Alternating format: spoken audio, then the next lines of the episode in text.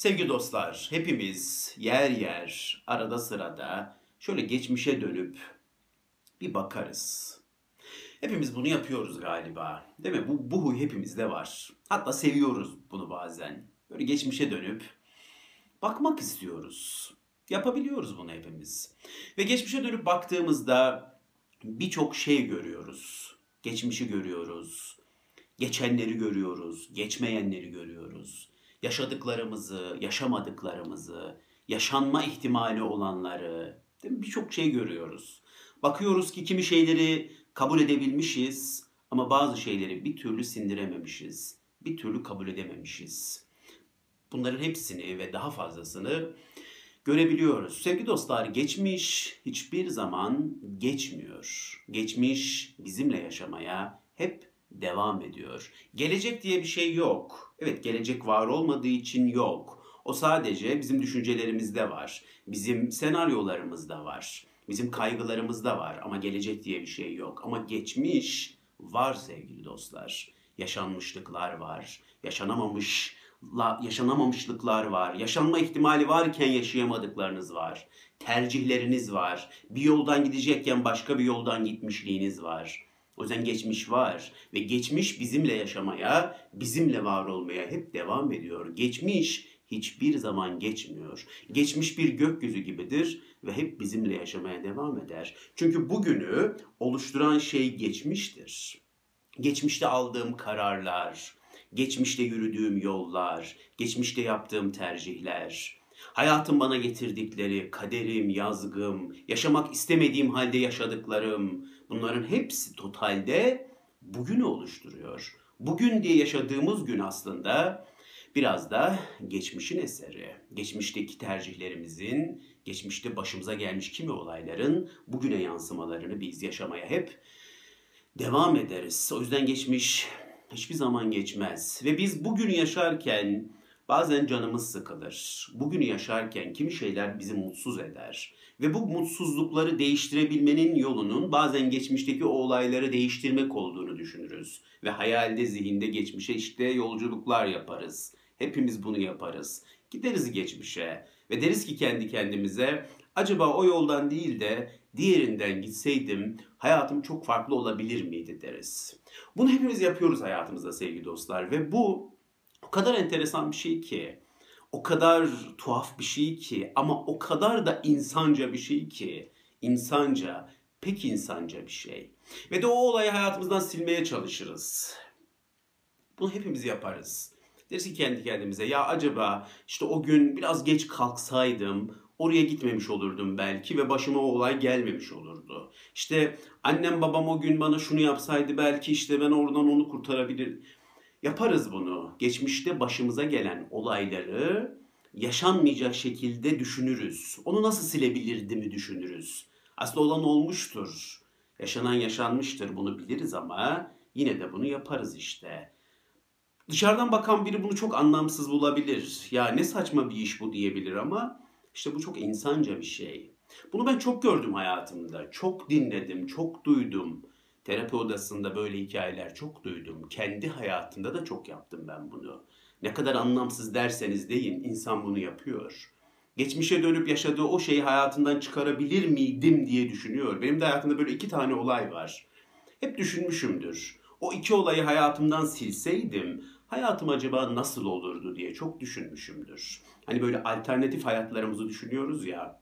İşte evlenmişsiniz Diyorsunuz ki acaba evlenmeseydim alternatif hayatım nasıl olurdu? Bekar hayatım acaba nasıl olurdu diyorsunuz. Merak ediyorsunuz işte yapıyoruz yani biz bunu. Saçma maçma ama insanca işte yapıyoruz.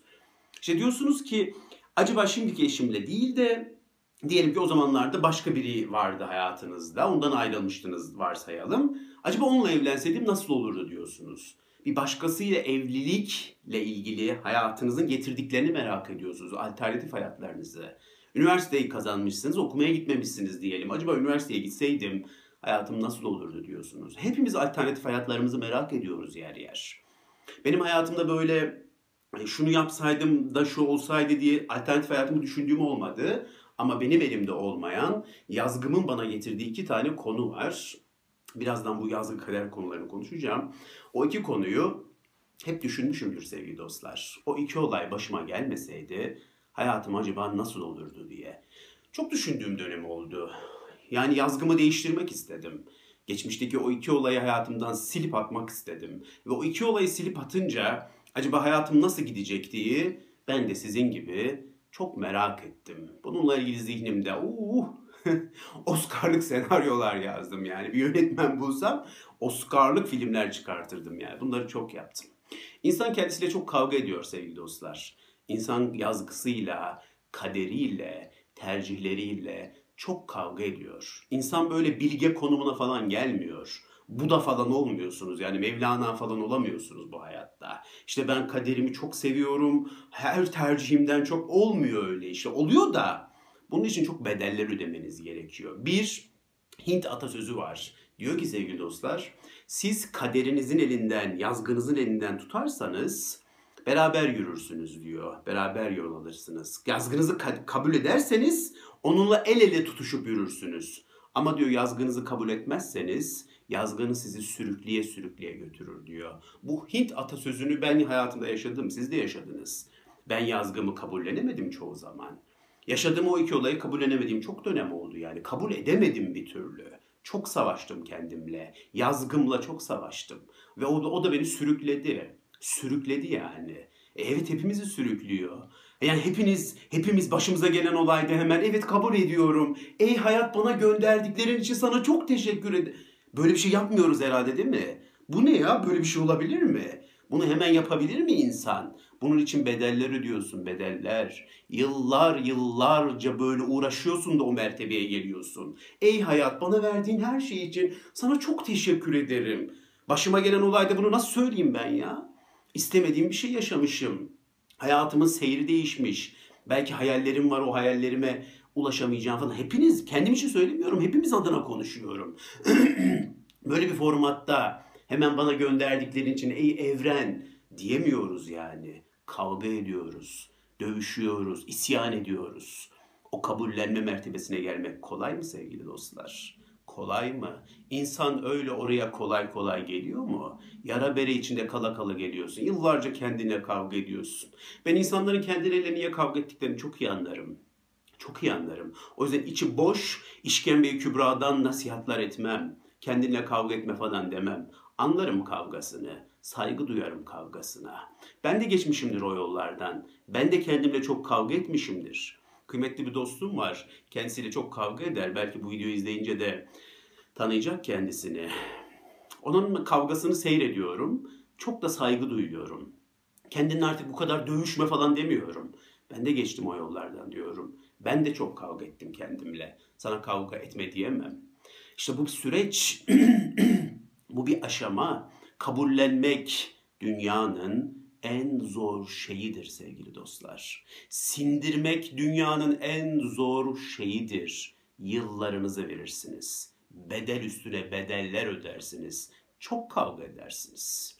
Elizabeth Kübler-Ross kulakları çınlasın, toprağı bol olsun. Çok kıymetli bir psikiyatrdır. Ve bize keder modelini ortaya koymuş bir psikiyatrdır. Ölüm döşeğinde kanser hastası olan insanlarla çalışmıştır. Ve onlara ölümün nasıl bir deneyim olduğunu, ölüme yaklaşmanın nasıl bir deneyim olduğunu sormuştur. Onların elinden tutmuş, onlarla ilgilenmiştir.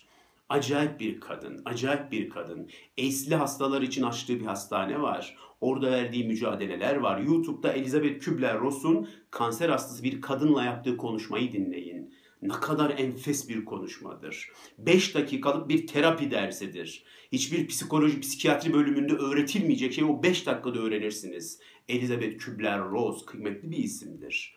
Ve bize acıyı kabullenme aşamalarını gösterir. Yasın evrelerini gösterir. Ve o yasın evrelerinde en son mertebe kabul mertebesidir. Ama o kabule gel- gelene kadar daha çok aşama vardır. Şok vardır, inkar vardır, isyan vardır, öfke vardır, kızgınlık vardır, depresyon vardır. En uzunu da depresyondur. Kavga edersiniz kendinizle. Neden başıma bu geldi? Neden bir başkası değil de ben? Neden ben? Çok tanıdık bir soru değil mi? Hepimizin hayatında milyonlarca kez sorduğu bir soru. Neden ben dersiniz? Kabul edemezsiniz bir türlü. Çok öfkelenirsiniz. Doğaya kızarsınız, inancınız varsa Tanrı'ya kızarsınız, genlerinize kızarsınız, annenize, babanıza kızarsınız. Öfke dönemi, kızgınlık dönemi, yıllarca savaşırsınız kendinizle. Öyle bir mücadeledir ki bu enteresandır. Ve herkesin mücadelesi de kendine göredir bu arada. Ha, hiç kimsenin mücadelesini, acısını küçümsemeyin. Herkesin denizi kendine derindir. Sizin için çok basittir. Birinin acısı, aa falan yaparsınız. Hayır bunun için mi bu kadar kendinle savaştın falan triplerine girmeyin. O onun için önemli bir şey. O onun için kıymetli bir şey. Herkesin acısı kendine göre sevgili dostlar. Acı kıyaslaması yapmayın. Benim acım daha büyük, seninki daha küçük. Böyle saçmalıklara girmeyin. Herkes kendi hayatında kendince acı çeker. Herkesin suyu da kendine derindir, büyüktür. İşte o kabullenme aşaması. Oraya gelene kadar çok savaş veriyorsunuz sevgili dostlar. Çok kavga ediyorsunuz kendinizle çok. Acaba farklı türlü olabilir miydi? Acaba annem öyle yapmasaydı o gün acaba her şey çok değişir miydi?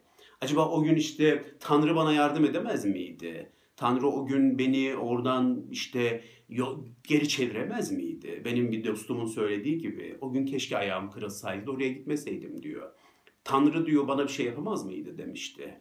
Acaba keşke demişti evin içinde düşseydim de ayağımı kırsaydı ve ben o gün oraya gitmeseydim keşke demişti. Tanrı ile kavga edersiniz.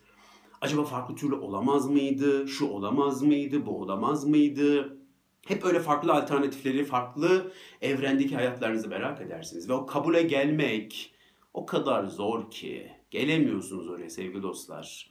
Hiçbir zamanda tam gelemiyorsunuz. Bakın bu böyle bilgi bilgi takılanlar var ya. Bunu Bud Budistler yapıyor galiba da gerçekten ulaşmış oluyorlar herhalde. Bak onları bilmiyorum. Başka bir zaman Budistleri biraz detaylı araştıracağım. O kabul mertebesine en yakın biraz onlar mı geliyor acaba? Tam emin değilim. Ama felsefelerinin içinin çok dolu olduğunu görüyorum. Ya da inançlı insanların bazı Müslümanlarda da olabilir bu. Evet bazı inançlı insanlarda o kabul mertebesine yaklaşma var veya oraya tam gelme var ama çok fazla mı bundan emin değilim. Çok az kişidir diye düşünüyorum yani ama çoğumuz hepimiz ortalama burada önemli. Standart sapmalar çok önemli değil. Çoğumuz o kabul mertebesine gelemiyoruz sevgili dostlar. Gelir gibi oluyoruz. Yaklaşıyoruz ama çok falsolar vermeye devam ediyoruz. Hala işte olayı kabullenseniz de geçmişinizde yaşadığınız bir olayı 60 yaşına da gelseniz 70 yaşına da gelseniz bazen soruyorsunuz. Acaba o olmasaydı ne olurdu diye biliyorsunuz. Evet kabul aşaması. Elizabeth Kübler-Ross o mertebeye gelmenin çok zor olduğunu söylüyor. Bunları niye söyledim? Bu ara Oscar'da tüm ödülleri toplayan bir film var sevgili dostlar. Daha önce izlemiştim, bir kez daha izledim. Her şey, her yerde aynı anda. Nasıl güzel bir film ya, nasıl güzel bir film ismi. Zaten ismini gördüğümde bir vuruldum yani. Sonra da böyle Oscar alacağı zaten söyleniyordu. En iyi yönetmen, en iyi senaryo, en iyi kadın oyuncu, en iyi erkek oyuncu bilmem ne bilmem ne yani. Böyle ödülleri topladı. Mükemmel bir film. Çok güzel bir senaryo. O filmde her şey her yerde aynı anda filminde tam da konuştuğumuz bu şeyler var sevgili dostlar. Başrol karakterimiz hayatından memnun değil. Çinli bir kadın, Çinli bir aile. Hayatından memnun değil, mutsuz. Evlenmiş, bir kızı olmuş, onu büyütmüş. Bir çamaşırhane işletiyorlar, o çamaşırhanenin üstünde de yaşıyorlar ama hayatından memnun değil. Acaba hayatın farklı olabilir miydi düşünen bir kadın. Bizim gibi yani insanca, pek insanca. Acaba diyor işte evlenmeseydim kocamla hayatım çok farklı olabilir miydi? Çünkü kocası ona evlilik teklif ettiğinde benimle gel dediğinde önüne bir yol ayrımı çıkmış. Ailesi demiş ki ya onunla gidersin ya da burada kalırsın. Onunla gidersen bizi sil. Biz yokuz artık demiş ailesi. Yanında olmayacağız. Sana destek vermeyeceğiz demişler. Ya da burada kal kariyerin için çalış demişler. Bak evlilik ne? Boş ver bu işleri. İleride de yaparsın. Önce kariyerin, önce geleceğin demişler. Ama o o yol ayrımında sevgilisini seçmiş, kocasını seçmiş ve onunla evlenmek için evden ayrılmış. Ve o kadın hep düşünüyor. Acaba evlenmeseydim seninle, acaba seninle gelmeseydim, o taksiye binmeseydim hayatım nasıl olurdu diyor. Hep böyle farklı evrenlerdeki hayatını merak ediyor. Acaba çok ünlü bir kadın olabilir miydim? Çok ünlü bir aşçı olabilir miydim? çok daha mutlu olabilir miydim? İşte film bize o başroldeki kadının evlenmemesi durumunda, o taksiye binmemesi durumunda, geride kalması durumunda başına neler geleceğini gösteriyor. Yani farklı evrenlerdeki hayatlarını gösteriyor. O kadar güzel bir film ki. İşte ünlü olduğu bir oyuncu olduğu evrene gidiyoruz. Aşçı olduğu bir evrene gidiyoruz. İşte dövüş sanatlarında usta olduğu bir evrene gidiyoruz. Böyle farklı farklı evrenlerde o kadının nasıl farklı hayatlar yaşayabileceğini görüyoruz. O kadar güzel bir film ki sevgili dostlar. O kadar güzel bir film ki. Şuraya bağlayacağım. Aslında mertebeler var işte kabul edememe, şok, depresyon, hep sorular ve filmde yine Elizabeth Kübler-Ross'un Kulakları Çınlasın. Filmin sonu kabul aşamasına gelir. Çok güzel bir filmdir. Kabul aşamasına gelir. Kabul aşamasında kocasıyla yaptığı bir konuşma var sevgili dostlar. O kadar güzel bir konuşma ki. Kocası ne diyor biliyor musunuz karısına? Sen diyor hep nasıl daha farklı olabilir diye düşündün. Sen hep farklı evrenlerdeki hayatlarını merak ettin. Benle evlenmemen durumunda hayatının nasıl değişebileceğini merak edip durdun. Senin diyor hayatla yaşam tarzın bu. Senin savaşma tarzın bu diyor. Herkes hayatla savaşır. Herkes hayatla kavga eder. Ama senin tarzında bu diyor. Senin sen böyle savaştın hayatla. Hep zihninde acaba nasıl farklı bir hayatım olabilirdiğinin kavgasını verdim diyor. Sen bu savaşı verdin. Evet ben de savaştım. Ben de bir savaşçıyım. Ama benim savaşım var olanı güzelleştirme savaşıydı diyor. Sen hep olabilecekleri düşündün. Ben hep olanla ilgilendim diyor. Senin savaşın olabileceklerle ilgiliydi. Hep o alternatiflere baktın. Hep o senaryoları düşündün. O yüzden bulunduğun yere kendini vermedin. Bana kendini vermedin. Bakışlarında beni sevdiğini hiçbir zaman görmedim. Ama benim savaşma tarzım olanı güzelleştirmekti. Ben bunu kabul ettim. Ben hayatımı kabul ettim. Burada bir çamaşırcı olarak çalışmayı kabul ettim. Bu lanet olası yerde ölmeyi kabul ettim. Amerikan filmlerindeki replik geldi o yüzden. Bu lanet olası, bu lanet olası yerde ölmeyi kabul ettim. Ben olanla ilgilenmeyi seçtim. Benim savaşma tarzım, benim mücadele etme şeklim bu. Ben iyimser bakmaya çalıştım. Her şeyin güzeline bakmaya çalıştım. Ve yaşadığım hayatı, işimi güzelleştirmeye çalıştım. Seninle tek farkımız bu diyor. Çok enteresan bir şey sevgili dostlar. Kadın alternatif evrenlerinden birine gidiyor. Orada ünlü bir aktrist olmuş. Ünlü bir film yıldızı olmuş. Çok enteresan. Kocası da orada. Hani evlenmemişler normalde. Yani o taksiye binmemiş, geride kalmış. Ama o alternatif evrende evlenmediği adamı da görüyor orada. Yıllar sonra. Aa sen de mi buradasın diyor. Yani sen de mi ünlü oldun? Aslında senin diyor fakir biri olarak kalman lazımdı. Öyle söylüyor. Senin fakir, çulsuz, işte kariyer yapamamış, beş parasız bir şekilde kalman lazımdı. Senin burada ne işin var diyor yani. yani sen de mi ünlü oldun? Evet ben de ünlü oldum. Olamaz mıyım diyor yani. Bak sen begin o gün binmedin taksiye benimle gelmedin. Benim de hayatım böyle evrildi. Ben de ünlü oldum diyor yani. Olamaz mıyım? Ama bu benim için çok önemli değil diyor alternatif evrende. Ben seninle evlenmeyi tercih ederdim diyor. Adam acayip, adamın e, zaten oyunculuğu mükemmel senaryoda da çok güzel replikleri var. Oyunculuk oyunculuk umurumda değil diyor o alternatif evrende konuşurken ben yine seninle evlenmeyi tercih ederdim. Ve seninle evlendiğimdeki hayatımı çok merak ediyorum. Ben sadece onu merak ettim diyor. Başka evrenleri değil. Başka neler yaşayabileceğim umurumda bile değildi diyor. Ben sadece seninle evlenmeyi merak ettim ve seninle neler yaşayabileceğimizi diyor. O kadar kabullenici bir tavır ki. İşte Budistse Budist yani işte bu da felsefesini yaşayan bir adam. Yani işte Mevlana ise Mevlana gelmiş o mertebeye kabul etmiş o kadar içselleştirmiş ki bunu. Ama biz yapamıyoruz işte. Nerede? Biz yarı yarıya birazdan oraya geleceğim. Biz hem kavga ediyoruz acaba farklı türlü olabilir miydi? Hem de biraz güzelleştirmeye çalışıyoruz. İşte biz biraz daha ortalardayız. O kadın çok diğer uçta başrol karakteri acaba hayatım daha farklı olabilir miydi de adam da tam kabul aşamasında ben seninle evlendiğim hayatı merak ederdim diyor alternatif evrende. Ve de normal hayatlarımıza geldiklerinde, filmde normal hayatlarına geldiklerinde adamın yine o cümlesi var. Ben seninle evlendiğim için mutluyum. Ve ben geçmişe dönseydim bir kez daha seninle evlenme kararı alırdım. Ben bu hayatı seviyorum. Seninle olmayı seviyorum. Seninle hayat mücadelesi vermeyi seviyorum. Çocuğumuzu seviyorum, işimizi seviyorum. Sevmediğim, nefret ettiğim birçok şey var. Ama onları da görmemeye çalışıyorum. Ben güzelleştirmeye, güzeli görmeye çalışıyorum. Bu bir savaş diyor. Ben bunun savaşını veriyorum. Geri zekalı mıyım diyor. Salak mıyım? Ben de diyor kötümser olabilirim. Ben de lanet olsun bu hayata diyebilirim. Keşke seninle evlenmeseydim ben de şunu yapsaydım diyebilirim. Bunu ben de diyebilirim. Salak mı görünüyorum oradan baktığında? Saf mı görünüyorum? Geri zekalı mı görünüyorum?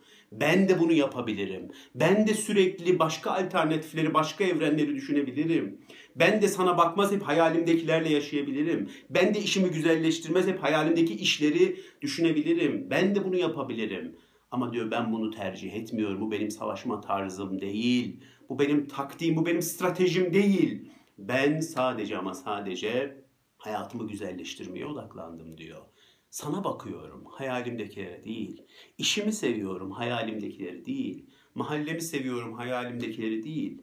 Bu benim hayatım ve ben bu hayatı seviyorum diyor. Güzelleştiriyorum diyor. Ben yazgımı kabul ettim ve yazgımı yaşıyorum diyor. Yazgımın elinden tuttum diyor. O beni sürüklemiyor. El ele yürüyoruz diyor. Sevgili o kadar acayip cümleler ki. Her şey her yerde aynı anda. Çok güzel bir film. Mutlaka izlemenizi tavsiye ederim. Ama biz işte o adam gibi Mevlana değiliz maalesef. Biz o mertebeye çok zor geliyoruz sevgili dostlar. Bizim kaderimizi kabullenmemiz yıllarımızı alıyor. O adamı o yüzden kıskandım. Ben öyle kaderini çok kabullenmiş, o kabullenme mertebesine tam ulaşmış insanları kıskanırım. Bak gıpta ederim falan demiyorum. Gıpta çünkü şeymiş demek benim bildiğim anlamı. Hani e, güzel ama bende de olsa ben kıskanıyorum. hani daha kötü gibi. Tam şimdi ayrımlarını bilmiyorum da kıskanıyorum yani baya baya. Keşke bende de olsa diye yani çok güzel bir şey. Çok güzel bir şey. O kabul mertebesine gelmiş adam. Er ya da geç o mertebeye geliyorsun. Ne yaparsan yap geliyorsun. Ama işte biz zor geliyoruz. Biz çok savaşlardan çıkarak geliyoruz. Size geçen haftaki videoda söylemiştim sevgili dostlar bir film daha önereceğim size.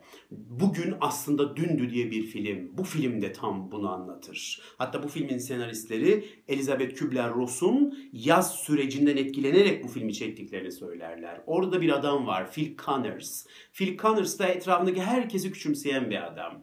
Kendini herkesin üstün gören narsist bir kişilik. Hiçbir şey sevmiyor, hiç kimseyi sevmiyor. En doğrusunun kendisinin bildiğini zannediyor. Her tarafa burun kıvırarak bakıyor yani. Bir kasabaya gidiyor haber yapmak için. Bu ne biçim kasaba diyor. Orada insanlar bir de etkinlikler yapıyorlar. Üf, saçma salak işler diyor yani. Bir grup aptal toplanmış bir şey yapıyor falan diyor yani. Böyle bir tip. Ve ne oluyor sevgili dostlar?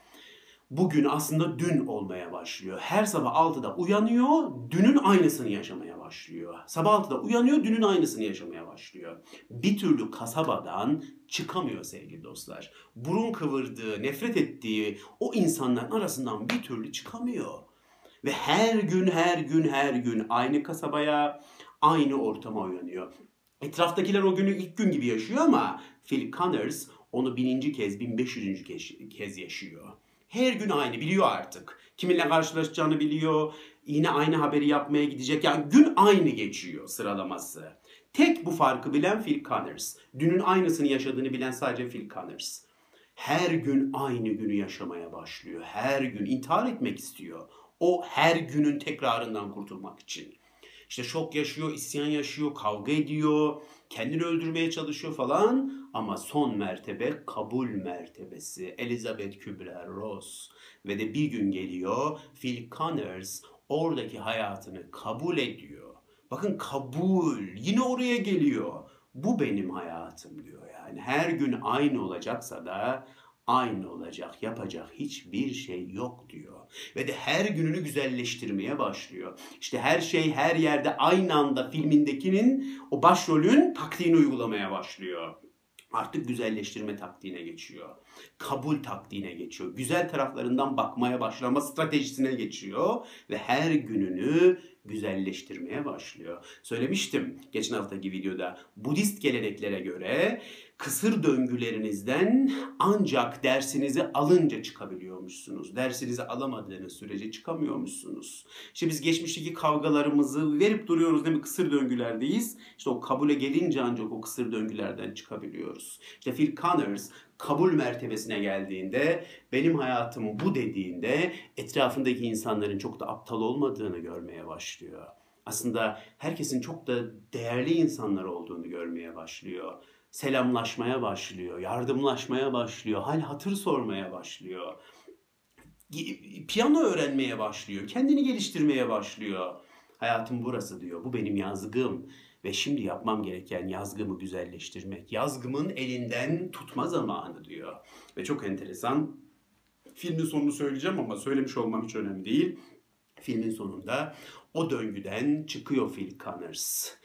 Dün, bugün aslında dündü olmuyor. Bugün, bugün olmaya başlıyor. Gün değişmiş artık. Devran dönmüş. Ve Phil Connors çok enteresandır. Filmin sonunda ne diyor biliyor musunuz sevgili dostlar? Bu kasabaya yerleşmek istiyorum diyor. Buradan bir ev bakmaya başlamam lazım. Burun kıvırdığı, nefret ettiği yerden ev almaya karar veriyor. Kısır döngülerinden alacağı dersini almış, kabul mertebesine gelmiş Phil Connors. Her şey kabule geliyor sevgili dostlar. Phil Connors'ın ya da bizim sonradan yavaş yavaş gelebildiğimiz o kabul seviyelerine bazısı doğuştan sahip. Peki o doğuştan sahip olanlardan kime örnek vereceğim? Forrest Gump. Alın size üçüncü bir film. Forrest Gump. Allah'ım ne güzel bir film. Şimdi bana taş atabilirsiniz. Ee, en günahsızınız bana ilk taşı atsın. ben yeni izledim bu filmi. Bazen böyle çok kült filmleri geç izleyince bazen arkadaşlarım diyor oha sen yeni mi izledin falan. Evet yeni izledim. Forrest Gump'ı yeni izledim. Ya nasıl güzel bir film ya. Bu nasıl bir şey ya. Tom Hanks'in oyunculuğu ya filmin senaryo ya mükemmel ötesi ya. İşte o filmde Forrest Gump kabul mertebesine doğuştan sahip. Hayatla hiç kavga etmiyor. Yazgısını doğuştan kabullenmiş birisi. Ama bu kadercilik gibi değil ya. Bunu bu videoda yine detaylı konuşabiliriz. Bu kadercilik değil. Bu böyle pasif bir şey değil. Bu aktif bir direniş. Aktif bir direniş, kabul mertebesi. İşte Forrest Gump doğuştan sahip o kabul mertebesine ve hayatın onu sürüklediği yerlere gidiyor. Rüzgarın önünde bir kuş tüyü gibi kabul diyor ey hayat beni nereden nereden nereye süreceksen sür. Ve biz film boyunca Forrest Gump'ın oradan oraya oradan oraya sürülüşünü görüyoruz ama o sürülüşlerle beraber onun oralardaki mücadelesini görüyoruz. Hayat onu bir yerlere sürüklemiş ama o gittiği yerlerde mücadele etmiş.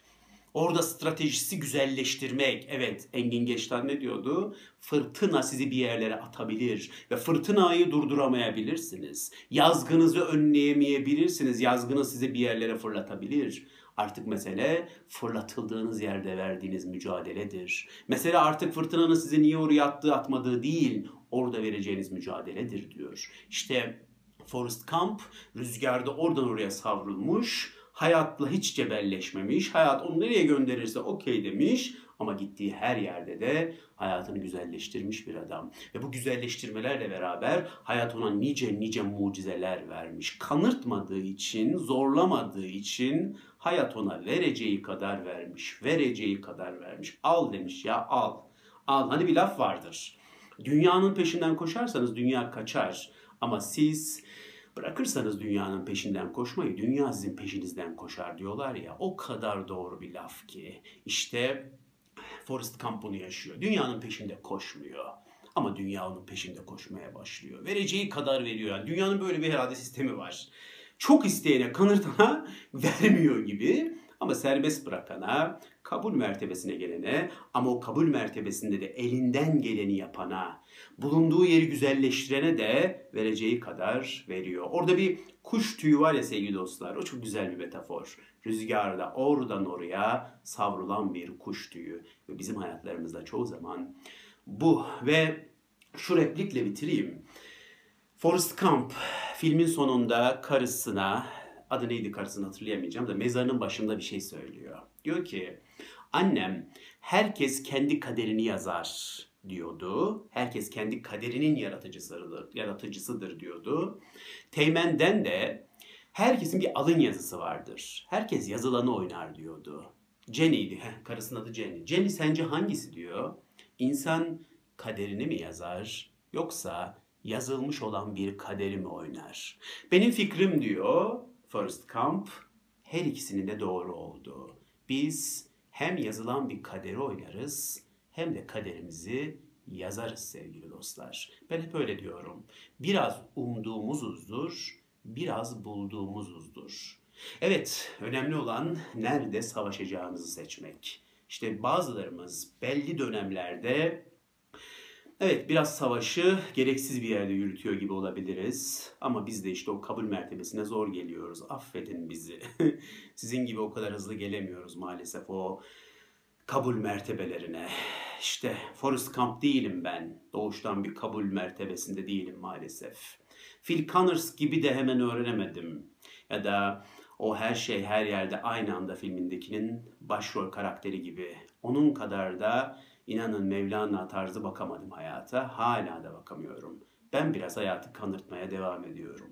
Kendimi kanırtmaya, kendimle kavga etmeye yer yer devam ediyorum. Bu da benim. Ne yapayım? Alsan atılmaz, satsan satılmaz. Beni alabilecek var mı kendimi satılığa çıkarsam? Almazsınız. Niye alasınız ki yani?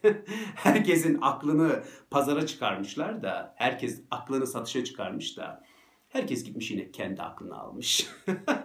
yani ne yapacağınız beni almazsınız.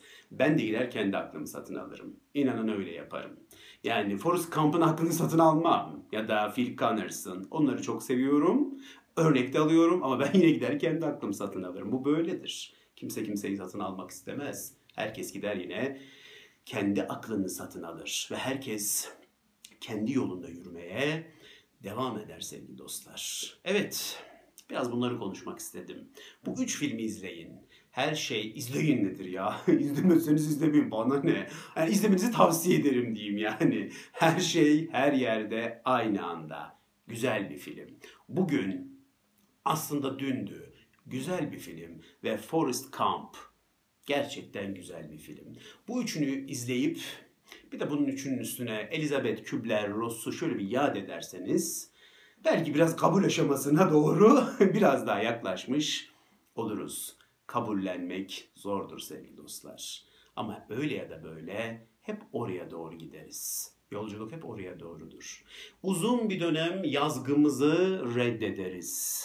Ama bir yerden sonra onun elinden tutmaya başlarız. Friedrich Nietzsche Salome'ye evlilik teklif ettiğinde başka bir yazgı için uğraşıyordu. Bakın o geldi aklıma onu söyleyeyim öyle bitireyim. Farklı bir alternatif evrene gitmek istiyordu.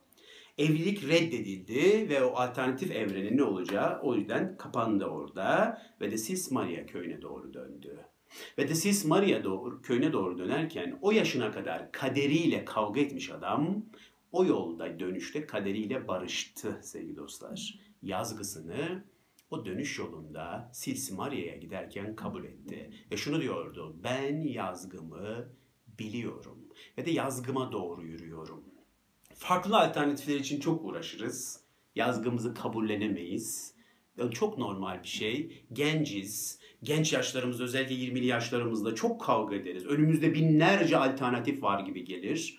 Ve o alternatiflerin en sevdiklerimize, en istediklerimize yürümek isteriz doğal olarak. Nietzsche de bunu yapmak istedi. Evlenmek istedi. Çok mutlu bir hayat yaşamak istiyorum dedi. O şekilde bir alternatif hayata gitmek istedi. Yazgısını biraz zorladı. Ama onun yazgısında evlilik yoktu. Onun yazgısında mutluluk yoktu. Aslında bu da onu biraz biraz biliyordu. Ama zorladı işte. Tabii ki zorlarız yani. Hepimiz zorluyoruz. Ama bir yerde yazgısını kabul etti. Ve o yaşına kadar belki yazgısı onu sürüklüyordu. O yaşından sonra sürüklemenin yerini el ele tutuşmalara bıraktı. Yazgısının elinden tutmuştu Nietzsche, Sils Maria köyüne doğru giderken. Ben şu an yazgımın elinden tuttum, gidiyorum diyemem. O kadar yine bir mertebede olduğumu düşünmüyorum. Ben kah düşüyor, kah yazgım beni sürüklüyor, kah arada sırada kalkıp elinden tutuyorum. Benimki eşit gibi. Biraz biraz eşit gibi gidiyor. Ama biliyorum aramızda yazgısının sürüklediği insanlar da var. Onları çok iyi anlıyorum. Yazgılarını kabullenemiyor olmalarını, kavgalarını çok iyi anlıyorum. Ama bir kez daha söylüyorum. Bu sürünme er ya da geç ayağa kalkmakla bitiyor. Öyle ya da böyle her şey sizi kabul mertebesine getiriyor. Kabul etme mertebesine geliyorsunuz. Öyle yüce bir mertebe ki Öyle harika bir mertebe ki oraya doğru yavaş yavaş geliyorsunuz diyeyim. Videomu da burada bitireyim sevgili dostlar. Bitirmeden de şey söyleyeceğim. Geçen hafta hatta onu da söyleyeyim evet öyle bitireyim. Geçen hafta 22 tane psikiyatrın hayat hikayesini okudum. Böyle kısa kısa hayat hikayelerini okudum. Neden psikiyatr olmuşlar, neden psikolog olmuşlar. Onu okudum yani. Ve hepsinde ne gördüm biliyor musunuz? Huzurun sırrı olarak kabulü gördüm. Hepsi kabul mertebesine öyle ya da böyle azıcık azıcık gelmiş yani. Ve de hepsinin vurguladığı şey kabul. Kabul, kabul, kabul. Hayata teslim olmak. Kadere, yazgıya teslim olmak. Ama bu çok ayrı bir felsefe. Bu çok acayip bir felsefe. Bu mertebeye ulaşmak çok zor bir mertebe. O psikiyatrların hayatında da onu gördüm. İç huzurlarının sırrı teslim olmuş olmaları, teslim olmuş olmaları, kabul mertebesine gelmiş olmaları ve savaşı geldikleri yerde yürütüyor olmaları. Diyorum ya iki türlü savaş var. Ya olabileceklerin zihninizdeki hayaliyle savaşırsınız ya da olanı güzelleştirerek savaşırsınız. İşte o 22 psikiyatrda olanı güzelleştirme savaşı veriyorlar ve iç huzurları tamamen bu sırrı, kabul ve de kabul ettiklerini güzelleştirme, olanı sevme, olanı cilalama, olanı daha da güzelleştirme. Ne güzel. Hepinizin buraya ulaşmasını dilerim. Ben oraya ulaşamadım. Oraya ulaştığımı gerçekten düşünmüyorum. Bunu da böyle sizi rahatlatmak için falan söylediğimi zannetmeyin yani. Biraz biraz oralardayım. Ama ben hala zihnimdeki alternatif evrenlerle savaşmaya, acaba bu farklı olabilir miydi demeye ben hala devam ediyorum. Ben de diyorum ya, biraz kaderimin elinden tutuyorum, biraz o beni sürüklüyor. Ama size bir sır vereyim mi? Galiba ben de Nietzsche gibi yazgımı biliyorum ve hala direniyorum. Nietzsche biraz erken yaşta bırakmıştı direnmeyi ama biz hala direnmeye devam ediyoruz. Evet sevgili dostlar biraz size bu konular hakkında konuşayım istedim. Umarım bu üç filmi izlersiniz. İzlerseniz de bence seversiniz. Kendinize çok iyi bakın. Yazgınızın bir parçası olmak benim yazgımın en sevdiğim parçalarından bir tanesi. Hoşçakalın efendim.